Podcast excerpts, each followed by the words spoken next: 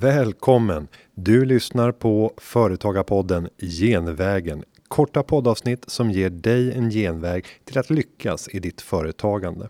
Den här gången om vad du ska göra för att utveckla en riktigt bra affärsidé. Jag som hälsar välkommen heter Günther Mårder och är VD för Företagarna.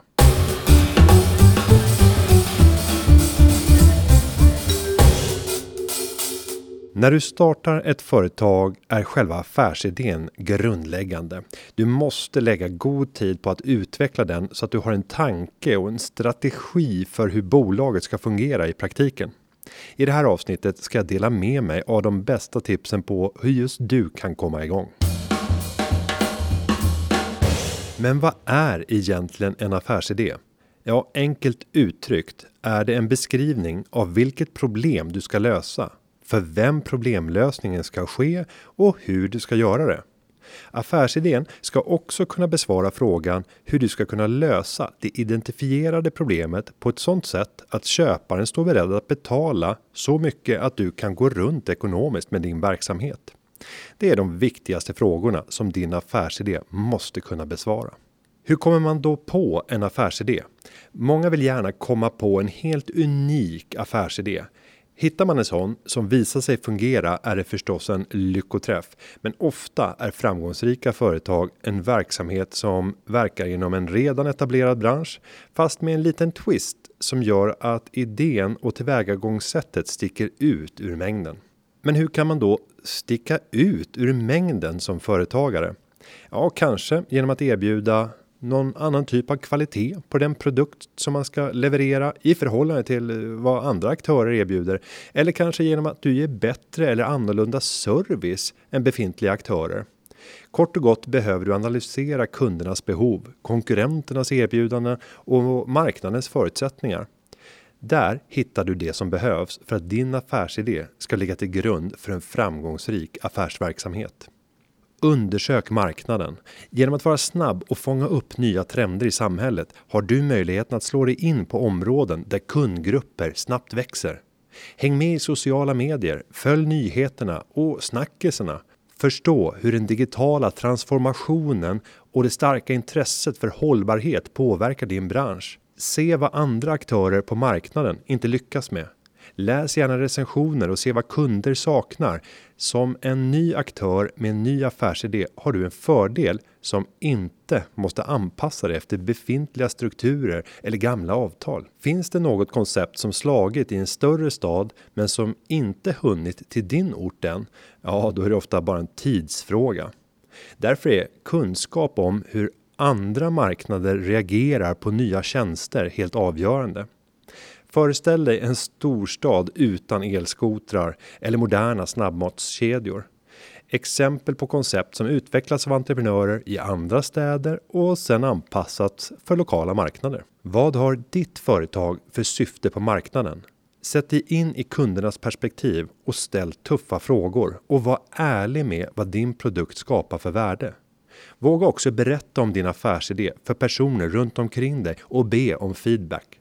Sannolikheten att de ska stjäla idén är väldigt låg, men värdet på deras synpunkter, ja, den kan vara hög. Finns det ett behov av den produkt eller tjänst du tänker erbjuda? Är marknaden redan mättad?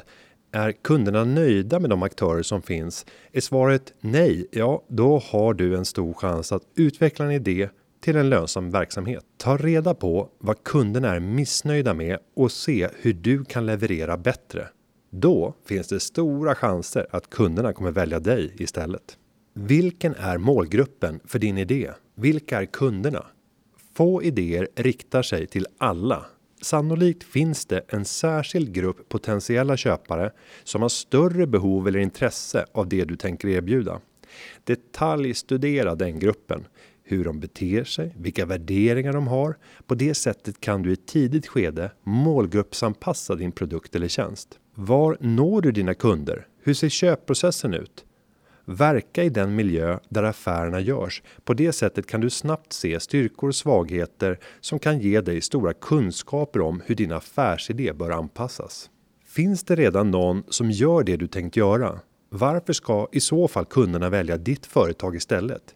I köpbeslutet behöver kunden se värdet med vad ditt bolag kan erbjuda och som dagens aktörer inte kan möta upp. Vad krävs för att ditt företag ska vara lönsamt?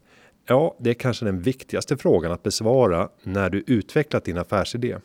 Kan du effektivisera tillverkningsprocessen? Kan du ta bort leverantörsled eller kan du ta hjälp av kunderna? Räkna på de olika leden i processen och se hur du i varje led kan öka vinstmarginalen utan att försämra produkten eller tjänsten.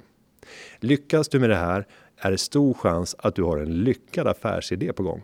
Mitt sista tips om du utvecklar en framgångsrik affärsidé är minst sagt aktuell.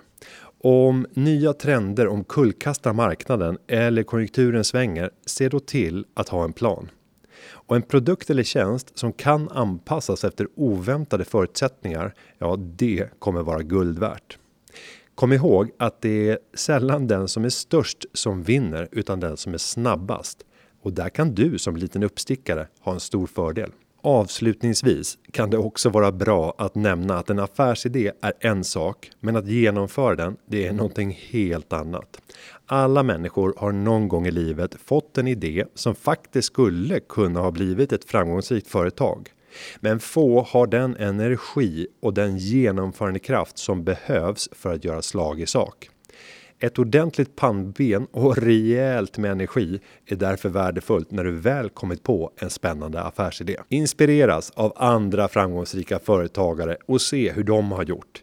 I Företagarpodden har jag intervjuat mängder med vassa entreprenörer. Några av Sveriges mest framgångsrika företagare har gästat och delat med sig av sina mest värdefulla tips. Ta gärna del av det när du utvecklar din idé. Tack för att du har lyssnat. Underlaget för den här podden är gjort av David Hagen och klippningen är som vanligt gjord av Petra Chu. Vi hörs igen nästa vecka. Ha det så bra!